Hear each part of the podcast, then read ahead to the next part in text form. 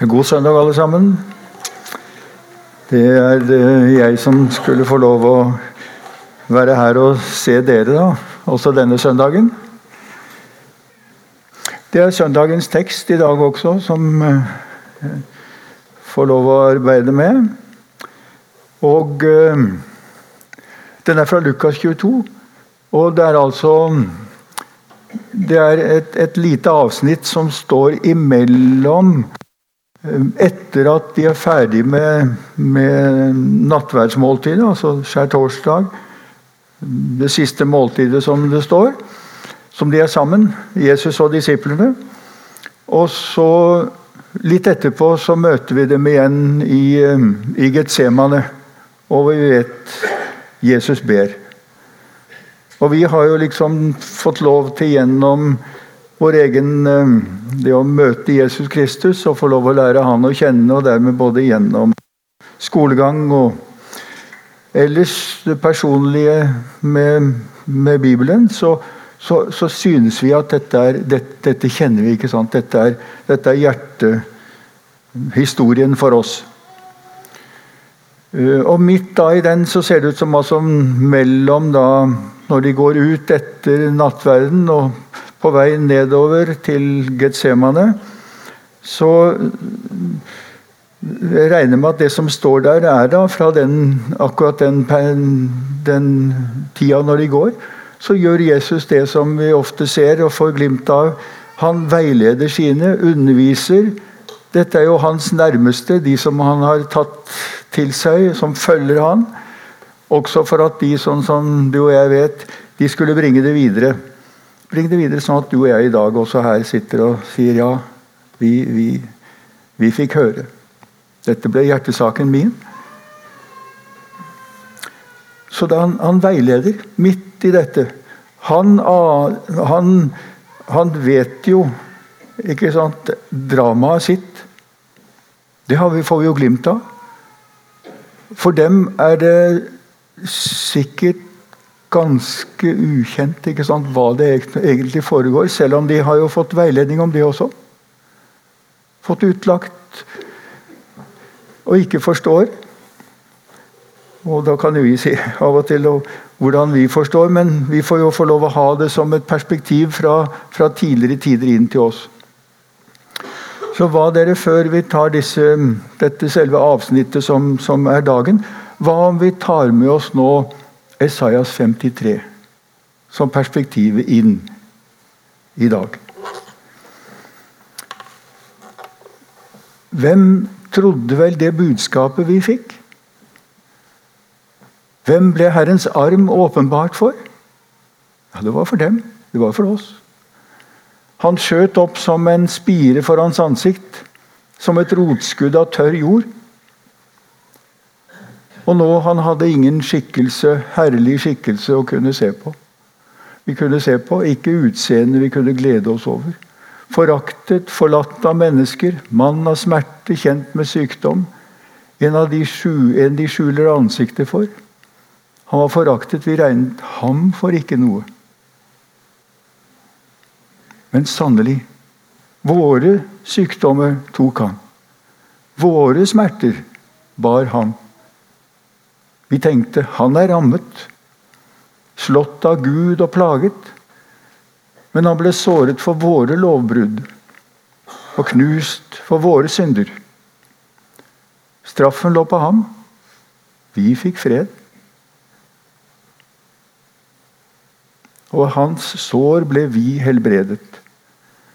Ja, vi gikk oss alle vill som sauer. Hver tok sin egen vei. Men skylden som vi alle hadde, lot Herren ramme ham. Han ble mishandlet, plaget, åpnet ikke munnen, og lik et lam som føres bort for å slaktes. Lik en sau som tier når den klippes, han åpnet ikke munnen. Det er også perspektivet på disse avsnittene som vi skal ha i dag. Ikke sant? Jeg har av og til fått noen glimt fra fra møter med, med jøder som, som, blir, eh, som blir vist dette avsnittet og blir spurt ja, kjenner dere han igjen i dette her. Og det er underlig av og til da få lov å lese og se litt av den, den dialogen som foregår når de aner Så var det Messias likevel. Så var han min. Og så blir de også det de kaller ekte jøder, eller messianske jøder. For de ser det er han. Han er vår. Han kom for at vi skulle ha fred. Og vi fikk fred, står det. Vi fikk fred. Og det perspektivet det er det over dagens tekst også. Dette er det Jesus er inni og vet at han går mot ennå fullendelsen og fullbyrdelsen av dette. Og de som går med ham, da, de aner det vel egentlig ikke likevel. At det er, dette er virkelig det som foregår nå. Vi hører jo andre steder de sier 'Herre, dette må jo ikke hende deg'. Dette må ikke hende deg, det. Eh, avsnittet i Lukas syns jeg det ser ut til fra Jesu samtale og veiledning mens han går, hvis vi tenker oss dette, mens han går med disse. Og Det er to av dem, de to midterste, som egentlig er søndagens tekst. Men jeg hadde lyst til kanskje jeg synes at jeg hadde lyst til å ta med alle fire, hvis det var mulig. Jeg skal prøve det uten å ødelegge, sånn at jeg må banke på klokka her. Eller For jeg syns egentlig de hører sammen på en måte. Og så, så forteller det hvordan Jesus veileder sine også der. Tenk det. Dette, det som vi leste fra Isaias ikke sant, og minte om, det er jo hans perspektiv. Det er hans, ikke sant? Han, det, dette, dette er rammen som han selv vet om. Og så Likevel så veileder han disse, som vi skal se i, i andre tanker, mange av dem. Men han veileder for disse skal overta. Disse skal jo bringe det videre nå, dette. Så jeg, Her er de fire glimtene. og Jeg tok det sånn først, så skal vi ta hvert avsnitt istedenfor å lese hele nå med en gang, hvis det er greit. Så det ene første det er dette det står. Det ble en strid mellom dem om hvem som var den største. På veien ned, etter å ha vært i nattverd sammen med han, siste måltid. Og så går det litt, Når han er ferdig med det temaet, så sier han ja, nå, nå, får dere, nå må dere, får dere dette videre. Og så kommer den som, det som vi syns er kjernen kanskje i søndagens tekst også, når han henvender seg til Simon, men egentlig nevner for det de alle Simon, Satan har krevd å få sikte dere, som vet det. Men jeg ba for deg at din tro ikke måtte svikte. Og så sier han noe, det siste som står der. Dette med Dere husker vel hvordan det var da jeg sendte dere ut, og ikke dere hadde veske eller pung eller sko og sånn. Nå kommer det en annen tid en stund. Nå må dere, nå må dere ta med dere noe. Så det, de fire, det er de fire temaene som Jesus taler om på veien. Tenk det, på veien fra nattverd til Getsemane. Og med sitt eget perspektiv. Og Nå ble det altså en strid da, mellom dem om hvem som skulle regnes som den største. Da sa han til dem kongene hersker over sine folk, og de som har makten, lar seg kalle velgjørere. Men slik er det ikke blant dere. Den største av dere skal være som den yngste, og lederen skal være som en tjener, for hvem er størst? Den som er gjest ved bordet, eller den som er tjener? Er ikke gjesten, men jeg er som en tjener blant dere. Det ene er jo Ja. Når jeg nøler nå, så er det for liksom, jeg kunne si er ikke menneskelig, men vi ønsker jo egentlig at ikke det skulle være det. Vi har vært sammen med Jesus Kristus i, i lange tider. Dette er, dette er, de han tar ut for å være de nærmeste. ikke sant? De som skal Også nå Nå er det tre år, da, hvis vi, sånn som vi syns vi ser det og de har vært i måltid. Og Under måltidet der Jesus sier at én kommer til å forråde meg, så begynner jo alle får vi glimt av der, det står like før, så vi, begynner jo alle dette Det kan da vel ikke være meg? På en måte I den nye teksten står det at de, de trettes. I andre steder står det at de stiller spørsmål, de undres. Diskuterer med hverandre. Kan det være meg? Det kan jo ikke være meg. Hvem kan det være? Hvem kan det være? Hva mener han når han sier at han blir forrådt? Men så kommer de ut etter dette. Og Og så står det altså at de begynner å krangle, får vi si, for nå brukes et ord krangle. ikke sant? Nå begynner de å diskutere hvem som er den største. Det har vi sett før, og det er ikke så uvanlig for noen av oss. Det er ikke alltid vi sier det, men vi regner med at det er, er litt større. Sånn. Så vi, vi, sier det sånn Det er kjekkest når andre sier det, ikke sant? Sånn. Men de krangler. Jesus vet hva han er på vei til, og de krangler. Og så sier han, så sier han jo Ikke sant det, Dette her i all, I alle de årene de har vært sammen med han, så har de sett noe annet. De har sett den store. ikke sant? De har sett bekjennelsen. Peter sier, 'Herre, du er Guds Messias'. Og han får det vitnesbyrdet. Det har Herren, det har Far, det har min far gitt deg. ikke sant? Og det gjelder alle, det. Når du og jeg ser at han er min frelser, han er Messias, så er det et ekko tilbake fordi Gud har talt det inn i ditt liv. Sier Jesus er din frelser. Han er min sønn, min utsendte. Han som soner for deg. Han som vil lede deg og veilede deg og meg fra til daglig liv og til evig liv. Ikke sant? Det kommer som når jeg sier 'Ja, Herre'. Den er du. Ja, da er det et ekko fra han. Ikke sant? Det kommer som en tilbake. Han hører tilbake fra deg det som han selv prøver å overbevise deg og meg om. Du er min. Ja, Herre, jeg er din. Og så, så vil han jo da, ser vi, at, at de skal ha et annet sinn. En annen væremåte mellom hverandre. En annen, ikke, ikke en påtatt væremåte. Ikke en, en, ydmyk på den måten at, at vi, vi, skal gjøre hverandre ringel, si 'jeg er ingenting', osv. Noen ganger kan du føle det sånn, og det er ekte. Så han sier ikke det. Han sier bare at 'Hva har dere lært av meg?' Så sier han hvordan han Og de har jo han har hatt en sånn måte å være på at tollere og syndere har kommet til ham.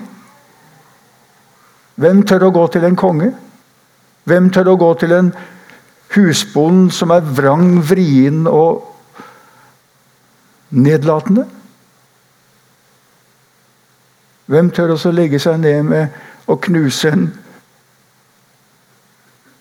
en krukke med salve? Ikke sant? For en. Annet enn i pur glede over at han ser, kjenner, er ydmyk. Og det er ikke noe nytt. Det er budskapet helt fra begynnelsen av. Det er hvordan du og jeg og alle skulle være. I samfunn med hverandre. Forstå og se det menneskelige og kjenne igjen det menneskelige hos oss. Jeg får lese her et par ganger. Altså. Det virker som ikke jeg snur meg bort fra dere. Her. Se, sier Moses til israelsfolket. Himmelen og himmelen over alle himler, jorden og alt som finnes der, tilhører Herren din Gud. Men det var, det var bare dine fedre Herren bandt seg til i kjærlighet. Så han valgte dere ut. Dere som er deres etterkommere, framfor alle andre folkeslag, slik det også er i dag. Omskjær hjertet og vær ikke hardnakket lenger. For Herren deres Gud er Gud over alle guder herre over alle herrer. Den store og mektige og skremmende, som ikke gjør forskjell og ikke lar seg bestikke. Og hva gjør han, da? Denne store og mektige Herren over alle herrer. Ja, han sikrer at og ønsker at det skal gjøres rett mot farløse og enker, og elsker innflyttere, så han gir dem mat og klær. Og dere skal huske det, dere også står det, for dere var en gang innflyttere i Egypt. Og når Jesu bror, da, Jakob, skriver etter at han også er blitt en Jesu etterfølger, ikke sant? så skriver han det Du kan ikke tro på vår Herre Jesus Kristus, herlighetens Herre, og samtidig gjøre forskjell. Sett at det kommer to menn inn i forsamlingen, så lager han denne historien for oss. Den ene i staselige med klær og med gullring på fingeren, og den andre fattig og i skitne klær. Og så får vi historien videre. Så vi skal hjelpe stadig til dette. Du gjør ikke forskjell. Mm. Ikke diskuter og krangel om hvem som er den mest betydningsfulle, sier han til oss. sier han til disse. Og det har han da sagt i tre år. Også denne kvelden av alle kvelder. Denne kvelden av alle kvelder, kunne vi si.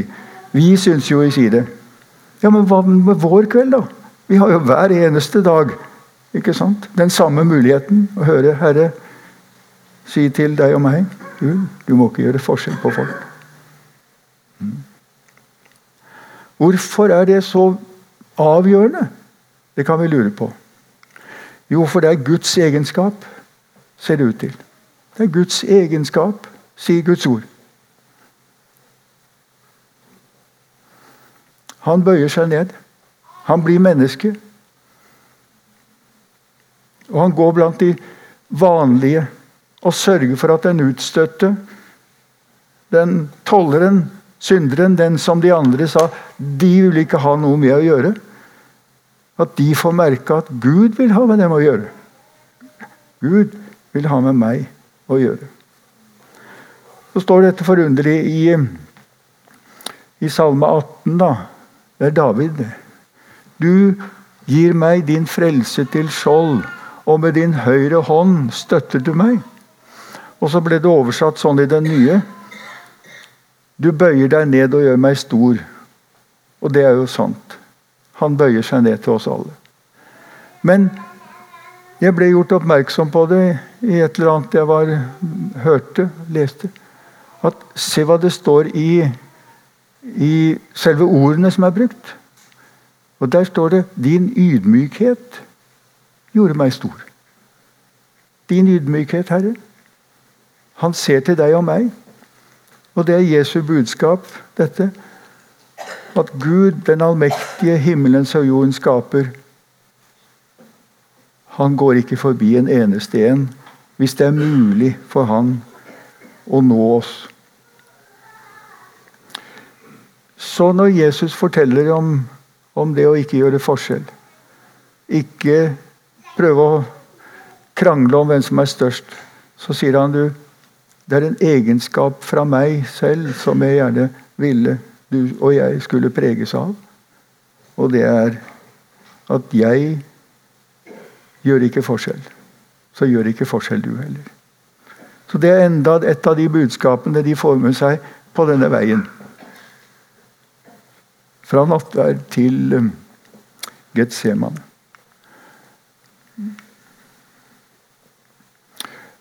Og den andre den kommer, og det er egentlig første delen av teksten for i, i dag. da, sånn. Men det er dere som har blitt hos meg i prøvelsene mine.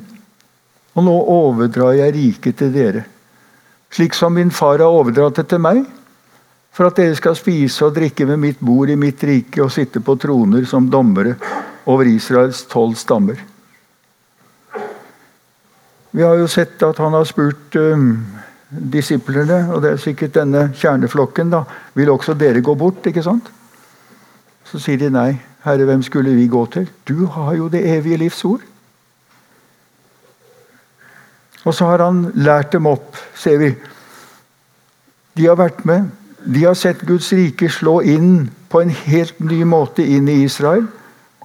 Herren er kommet, ordet er blitt kjød og tok bolig blant oss. Og helbredelse og forkynnelse om Guds tilgivelse og muligheten for å vende tilbake til Gud slår ut og inn i Israel, og de kommer, de kommer, de kommer til dette. Så Guds rike spres. Guds rike er nær, står det. Det er her. Det har kommet inn. Og så er det disse som nå får det. Og de vet ikke en, nå en, på det tidspunktet hvordan, hvordan skal det skje at de også skal kunne være bærere av dette. Så får vi høre det både etter oppstandelsen og vi får høre det etter pinsedag. ikke sant?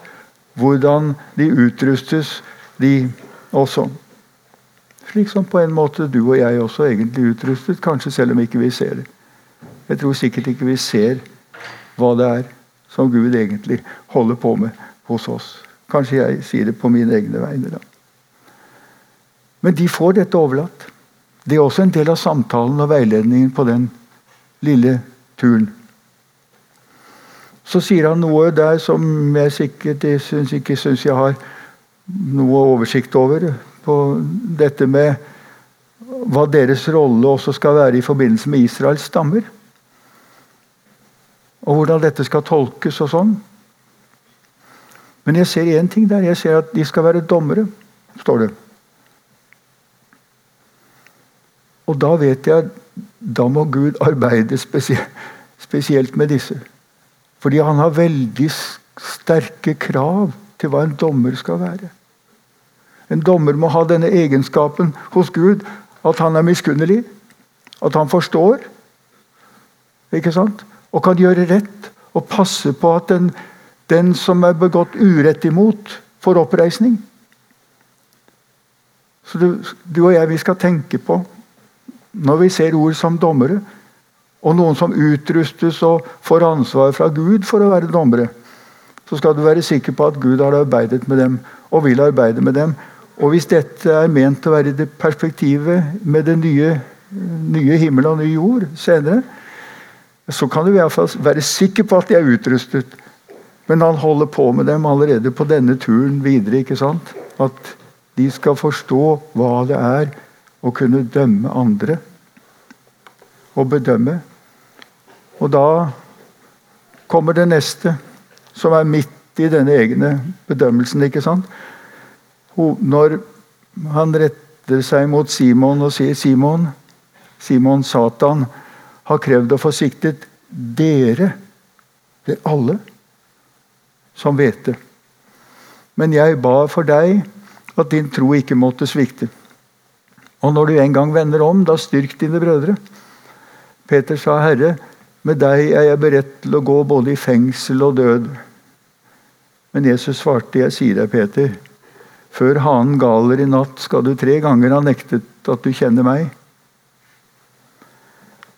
Og Matteus, den nederste linjen der Matteus har jo det samme temaet. Der står det Og det samme sa også alle de andre. Det samme sa alle de andre. Og vi vil vel forsiktig prøve å si noe lignende. Herre, hvordan kunne jeg svikte deg? Men det er eh, Det hender vel at vi heller sier det den andre veien at vi syns vi svikter. Og um, Jesus sier at her er det noe.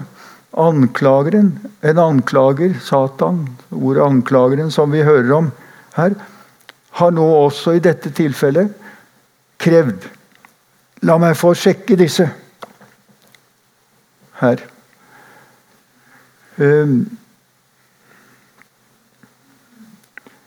Og det ser vi, og syns vi ser flere av glimt av.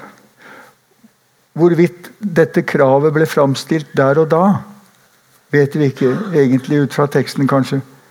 Men det står at Jesus, iallfall, han som selv ble fristet, som vi møter i Lukas 4 ikke sant? Nå, Han sier at han han er klar over at det er stilt et krav fra motstanderen, sier han i dette tilfellet her. Men han ba for dem. Jeg hadde lyst til å si I Jobbs bok, det er vel der vi møter dette kanskje særlig. Det var også i en av tekstene for i dag, fra Zakarias. Men i Jobbs bok, denne innledningen der som, hvor dette står så veldig tydelig hva det innebærer, syns jeg, når, når det står at anklageren ber om å få sikte noen. Sånn.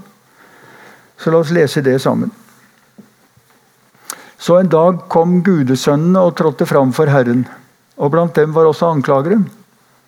Herren sa til ham, 'Hvor kommer du fra?' Han svarte, 'Jeg har streifet om på jorden'. Herren sa, 'Så har du vel, la du vel merke til min tjenerjobb.' På jorden fins ingen som han. From og rettskaffen mann som frykter Gud og unngår alt ondt. Men anklageren svarte, ja, Det er vel ikke noe uten grunn at Jakob frykter Gud? Har ikke du på alle vis vernet om han, hans hus og alt han eier? Hans henders arbeid velsigner du, og budskapen hans brer seg i landet. Men rekk bare ut hånden og rør ved alt som er hans, så skal vi se om, får vi se om han ikke spotter deg like opp i ansiktet. Da sa Herren til anklageren, se, alt han eier er i din makt, men han selv får du ikke legge hånden på. Og så gikk anklageren bort fra Herren.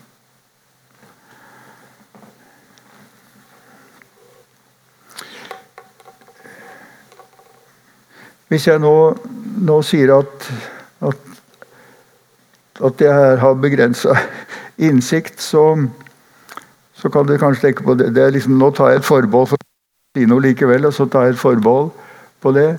Men, men det, er, det, er, egentlig fordi jeg syns dette er så, så, store saker at På en måte så er en redd for å skulle si noe som ikke er, ikke stemmer. ikke sant? Så Det er det som jeg sier når jeg sier, sier det på den måten. Jeg vet jo det står i Guds ord at den som taler, han skal tale som Guds ord. Og det tror jeg vi alle merker. ikke sant? Uansett hvilken sammenheng vi er i, så ønsker vi at det, det må være rett. Ikke det som at å, jeg har innsikt, er ikke det, men at det, det, skal jo være til nytte for meg og vesentlig for meg. Det skal være til vesentlig for deg. Og alle. Så, så, så jeg ber bare at du, du, selv tenker nøye over det. Et, selv av dette. Men den teksten der den, den har jeg, har jeg liksom båret med meg veldig mange ganger, egentlig. og tror jeg kommer tilbake til den sånn i, i tankene, fordi jeg syns den forteller om noe forunderlig for meg. Det ene det er at det står aldeles ikke her at det er Gud som rammer jobb. ikke sant? Det står ingenting om det står ikke noe om at det er Gud som setter i gang noe her. og sier ja, nå skal... Gud, Det står ikke et eneste ord her om at Gud har interesse av å kontrollere og sjekke jobb. Vi kan være enige i det, kan vi ikke det? Det står ikke noe om det. Men det er en annen som motstanderen som sier at du hvis, hvis Hadde ikke du stelt så godt med jobb, så hadde han aldeles ikke vært så fin, så god, så from som dette. Og så får da anklager en anledning da, til å røre ved alt rundt jobb. Og så leser vi i avsnittene etterpå hvordan den ene eller andre tragiske budskapet og forferdelige budskapet kommer til jobb. Men igjen, det står ikke noe om at det er Gud som gjør dette. Tvert imot så, så, og Det gjelder ikke i denne sammenhengen, her, men det står noe forunderlig når Paulus skriver i romerbrevet, innledning, så sier han det at, at de brydde seg ikke om å eie Gud i kunnskap. Og derfor overgav Gud dem til et sinn som intet duger. Det ser ut som når Gud trekker seg tilbake. Og, og så rammes en sjøl av alt det som er i ens eget liv som en har forårsaka sjøl. De gangene, ser det ut til. Men selv ikke det bruker, kan brukes fordi Guds ord sier han lar, rei, han lar sin rettferdighet lyse over gode og onde. ikke sant? Han gir regn over den. Så han, han er ikke slik.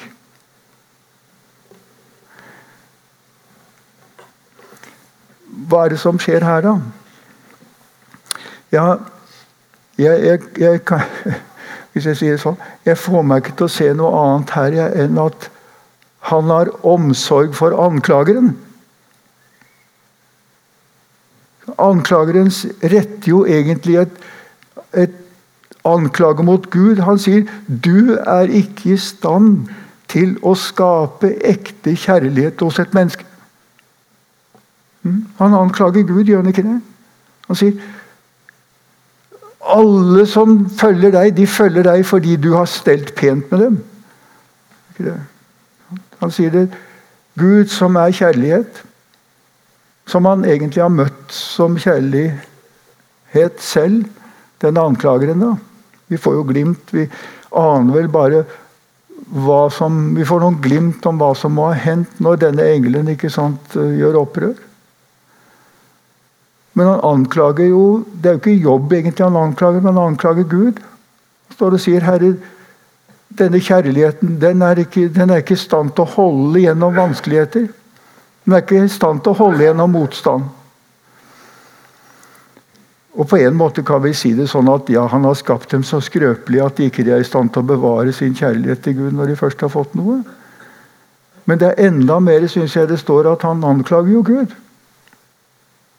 Og så sier Så, så, så, så tar Går det an å si det sånn, da? Det, så tar Gud sjansen. Han setter jobb i spill, egentlig.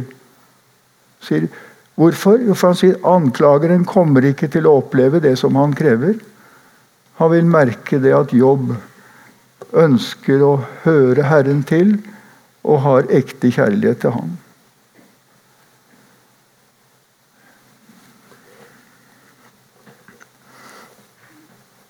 Så når noen Når det står om at Simon Satan ba om å få sikte dere, så var det vel så mye, tror jeg Det kanskje høres rart ut, men det var vel så mye for at at han skulle vise at Gud, og i dette tilfellet Jesus Kristus, er ikke i stand til å skape ekte kjærlighet tilhørighet, forsoning, tilgivelse, slik at et menneske føler seg knyttet til han rett og slett fordi han er han. Han er Gud. Hm.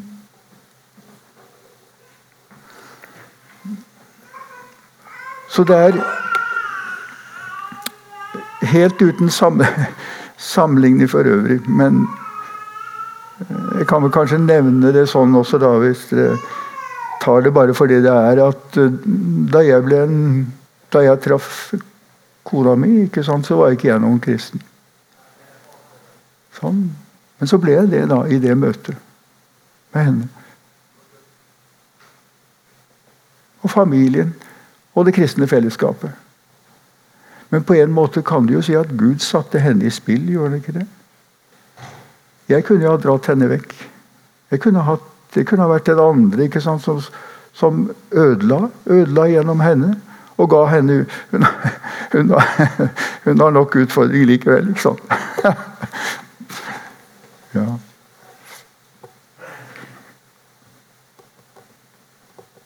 Men han, han har tillit til hva han har skapt i ditt liv og i mitt liv. Og han setter oss ikke på spill. Men han lar oss være med i sin plan for å overbevise anklageren om at han tar feil. Ennå i dag. Det er nesten så han skulle tro at det var et håp for han om at han måtte bli overbevist, også han en gang, om at Guds kjærlighet er langt, langt større enn penn og tunge tolke kan.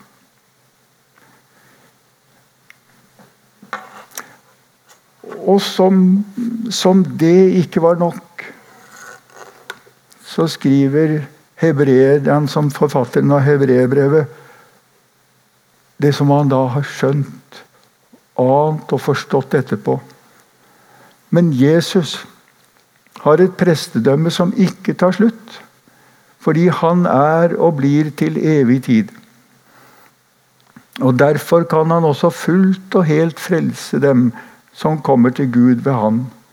Fordi han alltid lever og går i forbønn for dem. Ja, en slik yppersteprest måtte vi ha. Hellig uten ondskap, ren atskilt fra syndere opphøyd over himlene. Han trenger ikke som andre øversteprester å bære fram offer hver dag.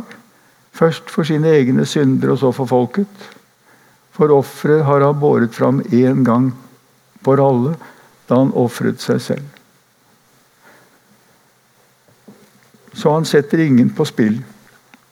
For han går alltid i forbønn, står det. Alltid i forbønn.